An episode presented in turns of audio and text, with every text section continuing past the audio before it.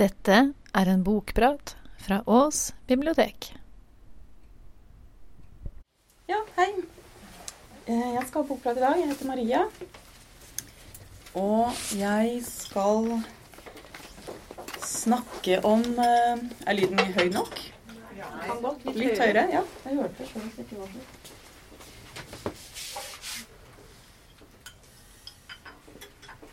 Er det bedre nå? Ja, Litt bedre? det høres bedre. Ja, det er bra. Jeg skal snakke om eh, en roman som heter 'Timen før midnatt'. Den er skrevet av Ida Simmons, og den eh, ble eh, gitt ut i 1959. Og så har den kommet som en nyutgivelse. Den kom på et nederlandsk forlag i 2014. Så kom den første gang på norsk i fjor, 2015. Jeg skal starte litt med å bare si litt kort om Ida Simmons, fordi det er ganske mange likhetstrekk, påfallende mange likhetstrekk mellom forfatteren selv og hovedpersonen i denne boka. Ida Simmons ble født eh, i 1911 i Antwerpen i Belgia. Og hun var eh, av jødisk familie, datter av eh, en, eh, Faren var tysk statsborger, og moren var nederlandsk. Og begge kom fra relativt velstående sånn kjøpmannsfamilier. Eh, når første verdenskrig brøt løs, så flyttet hele familien til Nederland. Og bodde der ganske lenge. I voksen alder tror jeg bodde stor del av livet i Storbritannia. Og hun var eh, pianist, konsertpianist, med stor suksess før krig, annen verdenskrig brøt ut. Da havnet hun eh, i eh, fangeleir. To ulike fangeleirer, og overlevde de. Men etter det så var helsa så dårlig at hun eh, måtte slutte å spille piano. Og døde da også året brått og uventet etter at den boka kom ut. Så hun døde året etter. Og den boka den fikk ganske ganske fine anmeldelser. Den fikk en god mottakelse. Men så ble den så veldig fort glemt med forfatterens død. Så når den har blitt gitt ut på nytt igjen nå, så har disse gode anmeldelsene kommet tilbake. Og den har blitt oversatt til 15 språk, tror jeg. Det var litt om forfatteren. Men boka den handler om tolv år gamle Gittel som vokser opp i Haag sammen med familien sin. Faren er forretningsmann, en ganske dårlig forretningsmann sådan. Så de eh, havner eh, rett som det er i litt sånn økonomisk eh, uvær. Og moren til Gittel og faren til Gittel de krangler ustanselig. De er som hund og katt. Og hver gang det går dårlig, og hver gang eh, det er en krangel, og det er det gjerne rundt uh, høytidsdager, og de er det mange av i jødisk tradisjon, så tar Gittels mor med seg Gittel og reiser til sin mor, altså Gittels mormor, som bor i Antwerpen i Belgia. Så det ble ganske mange reiser dit. For det er mange krangler. Det er ganske mye stim å få ut i denne familien. Det er ei lita bok. Den er på knappe 200 sider. Men det er altså noen skildringer her av hverdag og fest og familieforhold i denne ganske sånn fargerike jødiske familien, som er eh, veldig, veldig fornøyelig. Og jeg tenkte at jeg skulle begynne med å lese om et av disse besøkene hvor Gittel er med moren sin til Antwerpen, til mormor. Og de er der for en veldig lang periode. De er borte i et helt eh, borte i et eh, halvt år. er de der. Bor hos mormor. Og under dette besøket så blir Gittel kjent med en eh, dame i 20-årene som heter Lucy Mardell.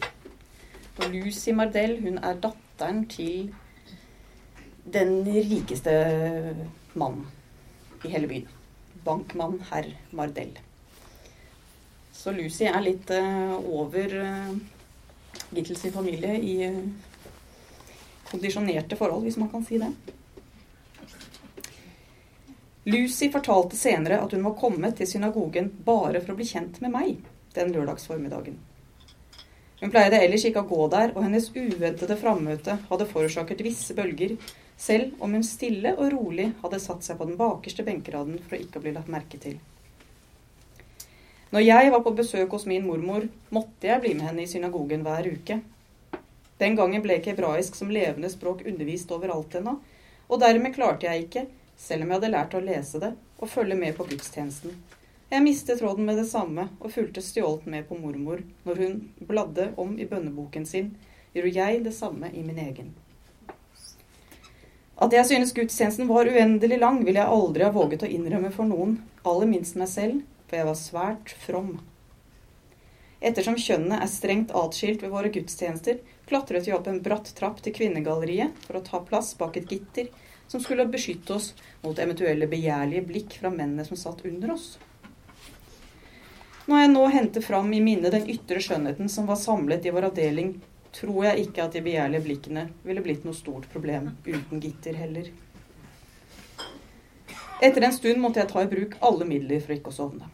Først lette jeg mellom spilene i gitteret etter onklene mine og andre menn som jeg kjente, i mennenes benkerader. De hadde på seg diskré, mørke dresser og svart og hvitstripete bønnesjal over skuldrene. På hodet hadde de kipa, eller svarte filthatter, som senere skulle vinne en engelsk ministers gunst og bære hans navn.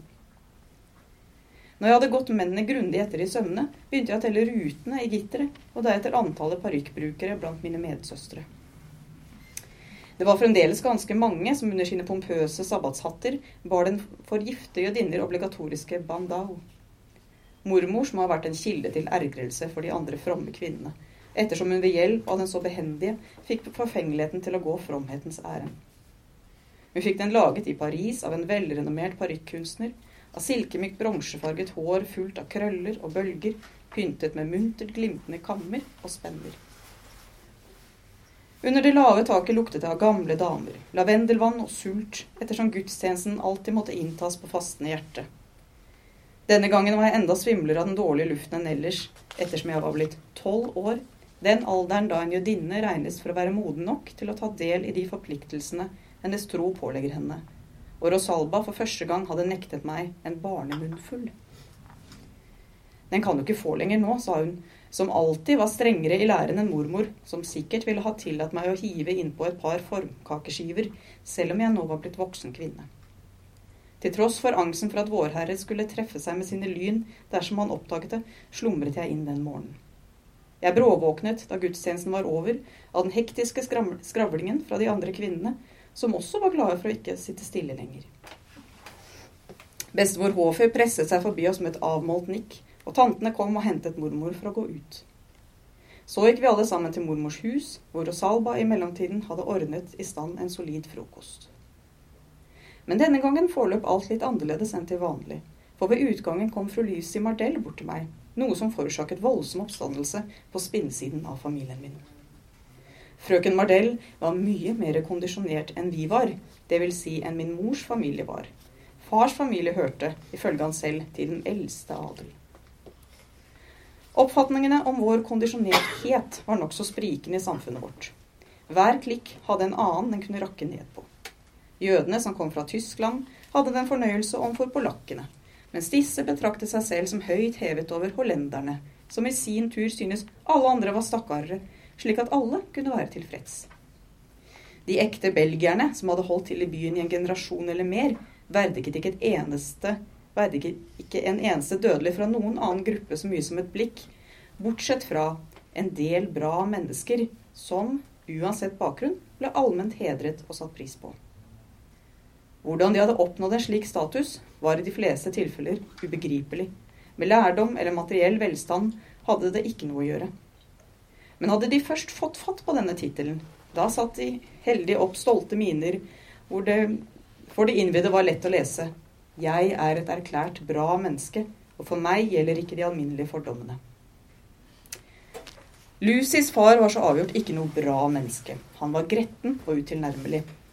Bortsett fra min egen far, som i sin gylne tid før han giftet seg, hadde vært en venn av herr Mardell, hadde ingen av slektningene mine sett mer av huset hans enn første etasje, hvor kontoret hans befant seg. Lucy og hennes far var så kondisjonert at ikke de pleide omgang med noen fra samfunnet vårt, og nå, helt uventet, henvendte hun seg til meg.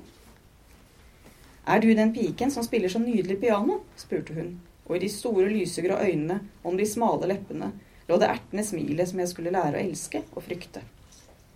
Hun hadde på seg en mørkegrønn kåpe og bare en liten pelslue på det lysebrune håret. Jeg var en snobb som de fleste barn. Jeg nøt den dårlig skjulte misunnelsen og nysgjerrigheten hos mormor og tantene. Lucy la hånden sin på skulderen min og førte meg foran seg ut på gaten. Mormor kjempet åpenbart med motstridende følelser. Selv om hun var smigret over interessen fra den fremste i landet, var hun irritert over at interessen bare gjaldt meg. Si meg, sa Lucy lavt, hos dem, med et stolt nikk i retning av dem jeg tilhørte. Har du et godt instrument der? Ikke noe særlig, frøken, sa jeg sannferdig, for hele slekten hadde lært å spille på det ulykksalige piano, og det var blitt kronisk ustemt av det. Jeg skal spørre om du kan få komme og spille hos oss, vi har et veldig godt Steinway, sa Lucy. Hun var plutselig svært høflig og ønskverdig mot alle, og på ett blunk fikk hun den ønskede tillatelsen av min forbløffede mormor. Jeg vil ikke at hun skal gå ut alene blant folk, var et siste svakt forsøk på motstand. Jeg sender husholdersken min, ellers så kommer jeg og henter henne selv, sa Lucy. Hun nikket vennlig mot alle de sinte ansiktene, og til meg sa hun, ses på mandag klokken ti. På veien hjem fikk den undertrykte ergrelsen luft. For en skamløs frekkhet! Hva er det hun innbiller seg? Du skulle aldri ha gått med på det, mamma. Ikke så mye som et blikk på oss andre, og så skal Gittel til henne for å spille piano. Gittel har ikke engang lyst til å gå, eller hva, lille venn? Til det utrivelige mennesket. Jeg bryr meg ikke om hvor utrivelig hun er, bare flygelet er bra, sa jeg. Mandag morgen ble jeg ekstra blankpusset, og for familieeierens skyld fikk jeg en ny, hvit sløyfe i håret. Til avtalt tid kom Lucy for å hente meg. Jeg skal passe godt på henne, smilte hun ytterst inntagende til mormor. Men da vi var ute på gaten, sa hun, huff, jeg trodde enda at hun i siste sekund skulle til forby deg å gå med meg. Mardellenes hus, det vakreste langs boulevarden, lå skrått overfor mormors. Til min forundring gikk vi ikke rett dit. Vi må drøfte programmet for høytideligheten, sa Lucy tilgjort alvorlig. Du kommer nok til å synes det er ubehagelig, men du kommer for det første til å bli presentert for alle i huset, og det kan ikke unngås ved ditt første besøk. Hun nappet i sløyfen min. Bare si det som du er, du syns det er ubehagelig, ikke sant? Jeg nikket, og jeg tror det var da jeg begynte å tilbe henne. Far vil hilse på deg fordi han kjenner din far godt, men det kommer ikke til å ta lang tid, for han har det alltid travelt og er fåmælt av natur. Bertha blir du ikke kvitt like fort. Bertha er et trofast tyende, akkurat som Rosalba hos dere. Lucys mor døde svært ung, og Bertha så på Lucy som sitt eget barn. Og det er temmelig plagsomt iblant, for hun maser og gnåler om at jeg må gifte meg, og det har jeg overhodet ikke lyst til. Så skulle jeg også bli presentert for Salvina Nathans, Meni Oberberg og Gabriel, som alle tre arbeidet på bankkontoret. Salvinia og Menie er nettopp blitt forlovet, gudskjelov. Vi måtte utholde mye før det kom dit hen. Salvinia og Menia hadde arbeidet på kontoret i tre år, og hele den tiden hadde de vært voldsomt forelsket i hverandre, uten å våge å si et ord om det. Men Salvinia begynte å besvime støtt og stadig, og Menia var blitt så spøkelsesaktig mager at det var begynt å plage Lucys far. Da hadde han, uten å først rådføre seg med Menie, på dennes vegne bedt om Salvinias hånd, deretter viderebrakt hennes henrykte ja, og siden da strålte de begge av lykke. Og Gabriel? Og Gabriel er yngstemann på kontoret, sa Lucy likegyldig. Når du har gjort din plikt og stiftet bekjentskap med alle sammen, må du først spille noe for meg. Etterpå får du en kopp sjokolade, så skal jeg la deg være i fred, hvis du helst vil det. Ellers blir jeg sittende hos deg med et håndarbeide, jeg klarer å være veldig stille. Jeg hadde erfaring med folk som liksom skulle være stille, og jeg sa så høflig jeg greide at du naturligvis ikke trengte å være stille for min skyld. Lucy, den skapningen, gjennomskuet meg det samme. Du tror det ikke, hva? lo hun. Det må være stille. Men du skal nok få se.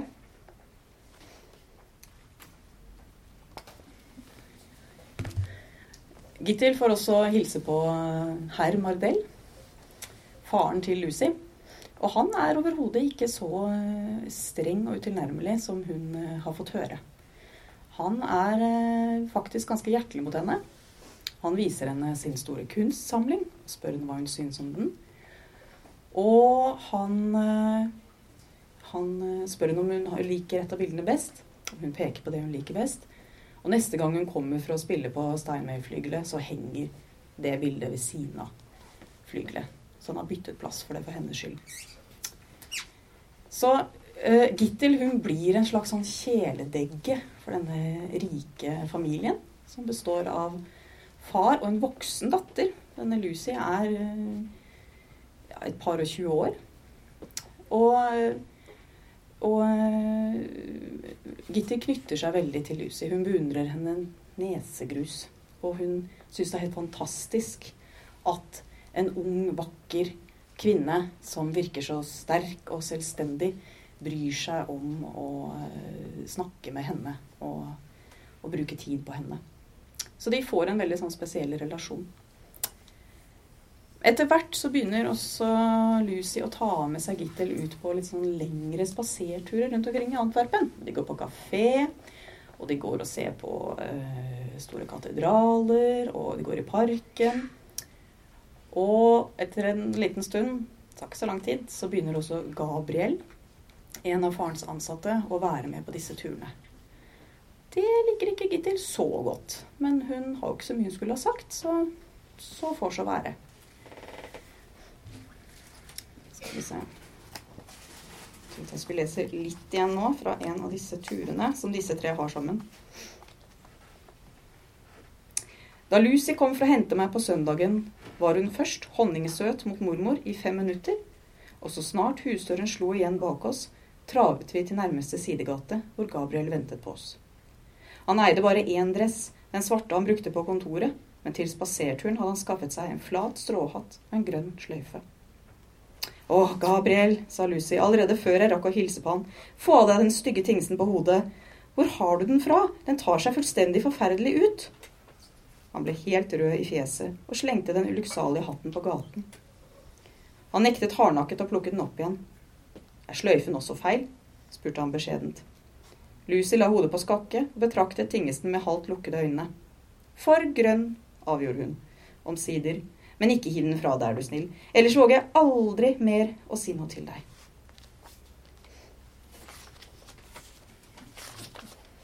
Gabriel har fått uh, i oppgave i å vise de rundt, for han kan veldig mye om byen. Han kan veldig mye om byens historie og om bygningene. Og Gittel Gittil følger nå med på dette, litt skyldigst. Men hun stusser veldig på den liksom rare stemningen dem imellom. Hun kan ikke helt forstå hvordan Gabriel kan tillate seg selv å snakke til Lucy på den måten. Hun som er liksom den fine frøkna i huset, og han som bare er en ansatt av faren. Og her er de inne i en katedral, og Gabriel tegner og forklarer. En av de forunderlige tingene med denne byen har helt fra gammelt av vært at den har forstått så vel som de arbeidsomme som drømmerne, sa Gabriel. Alle har på sin egen måte funnet seg til rette. De som står med begge bena trygt plantet på jorden, og også de andre som lever med hodet i skyene.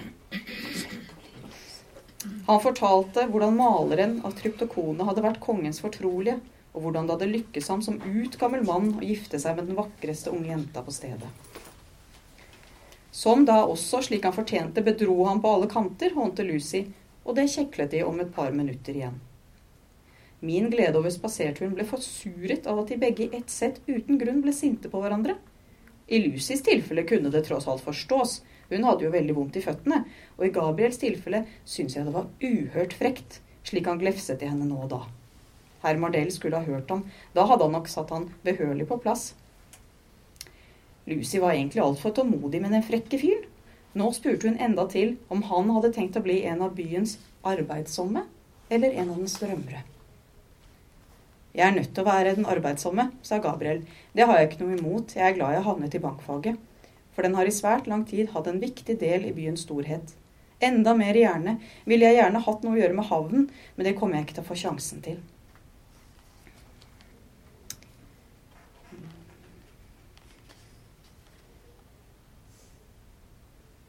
Ja. Jeg tror vi stopper der. Eh, Lucy opp, nei, Gittel oppfatter ikke helt hva som skjer. Men vi som leser boka, vi, eh, vi, vi, aner på en måte at det er et eller annet i relasjonen mellom disse to. Og eh, det, det blir flere turer, og det blir flere møter. Men etter en stund så eh, må Gittel og moren reise tilbake til faren, som sitter og venter i Haag. Da har det gått seks måneder. altså De har vært borte så lenge. Så da må Gitte reise fra sin elskede Lucy. Det syns hun er fryktelig trist. Og de kommer hjem, og faren eh, han eh, må meddele at de er i noen fryktelige økonomiske vansker. Så de skal flytte til Berlin. For i Berlin, der er det nedgangstider og inflasjon. Så hvis de flytter til Berlin, så får de mye mer igjen for pengene sine. Og da kan de få seg en fin leilighet og kan holde den samme økonomiske standarden som før. Så de reiser til Berlin plutselig. Da bor de der. Og da Gittel synes Berlin er helt forferdelig. Eh, hun får ingen venner på skolen, og hun får en pianolærer som hun synes er helt forskrekkelig. Så bor de der noen måneder. Faren reiser tilbake igjen og forsøker å skaffe seg arbeid i Haag. Lykkes til slutt med det. Og familien kan komme etter. Og eh, de kan ta opp igjen livet sitt, livet sitt der. Men da har det gått en del tid, da. Og hvordan går det med Lucy i Mardell-huset? Eh, før Gittel reiste med familien sin til Berlin, så ble hun betrodd en hemmelighet av Lucy. Og det var at hun og Gabriel de hadde forlovet seg i all hemmelighet. Og Gittil, tolv år gamle Gittil, som bærer dette store ansvaret, være den eneste som vet om dette. Og etter hvert så blir Gittil en slags liten brikke i et voksenspill. Og det tar det ganske lang tid før Gittil selv forstår. Jeg skal ikke si så veldig mye mer om handlinga i boka, fordi som jeg sa i stad, til tross for at dette er 200 sider, og jeg har skissert veldig kort hovedhandlinga og kanskje plottet i boka, så er, det, så er, denne boka her så mye mer enn eh, en akkurat det plottet der. Eh, forfatteren har en helt utrolig evne til å beskrive disse familieforholdene. Og det er eh, Denne jødiske familien blir fremstilt med så mye humor og så mye letthet. Fordi den unge Gittel er veldig sånn kvikk i replikken. Og det er mye sarkasme, og hun har så det er så mange tanter og utro onkler og steile og sinte bestemødre. Og det er så mange å harselere over. Og det er ganske mange det går utover. Så det er, eh, det er veldig veldig underholdende. Det er veldig morsomt å lese. Og så er, det, altså er det en humor som fortsatt treffer, på en måte. Den er ikke utgått på dato. Forfatteren har fått som jeg sa, veldig veldig mange gode ord for den boka her. Eh, hun har blitt kalt Antwerpens Jane Austen. Og den har blitt kalt den nederlandske stoner. Og det er også veldig lett å tenke på Anne Frank. Det er det flere som har trukket fram i anmeldelsene. Og en av anmelderne av nyutgivelsen har skrevet at den er underholdende og morsom. Det er levende og sentralt. Og grunntonen i boka er vemodig, full av bedrageri som grunnerfaring i livet. Det er den paradoksale kombinasjonen ved Ida Simons arbeid. Og i et dikt som Ida Simon selv har skrevet, så er det en linje som heter 'Humor er det fargerike tøystykket som skal dekke et sår'. Og det syns jeg var en utrolig fin setning. Jeg skulle ha tid til å snuse opp selve diktet, men det har jeg ikke fått gjort. Så Hvis jeg kort skal summere opp hva jeg liksom sitter igjen med den boka, så føler jeg at det er en utrolig fin eh, det, er, det, er, jo en oppvekstroman. altså Det er en veldig fin skildring av hvordan et barn i det hele tatt kunne ha det sånn i mellomkrigstida. Liksom litt sånn før barnets århundre var sånn ordentlig i gang. Og hvor tøft det var å være barn. Det var kjempetøft. Det var liksom ingen kjære mor, og du skulle være ganske hardhuda fordi du kunne havne selvfølgelig i et sånn voksenspill som, det, som er tilfellet her. Og så er det stadig vekk i denne boka hvor eh, tolv år gamle Gittel blir liksom gjort litt narr av de voksne. For at det er undertoner og ting i voksenlivet som hun ikke forstår. Og de voksne på den tida hadde vel kanskje en ærlighet som var veldig brutal, men den var ikke så veldig oppklarende. Det var, det var ikke en sånn ærlighet som gjorde at de forklarte barn hvordan ting hang sammen. Det var mer en sånn ærlighet om at du har ikke noe pent ytre, spørs om vi får giftet bort deg. Eller eh, altså litt mer sånn den eh, vel, Ganske brutalt, altså. Jeg må, jeg må si at det er jammen ikke tøft å være, eller ikke lett å være barn. Så det er også en bok liksom om en litt sånn ensom tilværelse. Om et barn som får på en måte tilbud om vennskap fra en voksen, ung dame. Og som kanskje Og så er det ikke alt det virker som eh, det skal være allikevel. Så helt til slutt skal jeg bare lese et vers som en av tantene til Gittil ofte finner trøst i. Og det handler om livets gang. Ti år er du kun et barn. 20 fast i kjærlighetens garn. 30 tid for å stå brud. 40 har du rynket hud. 50 begynner hårets gråning. 60 rask fart ned en skråning. 70 skjelven som et løv. 80 du er nesten død. 90 du har gått i frø. 100 du er sikkert død. Takk for meg.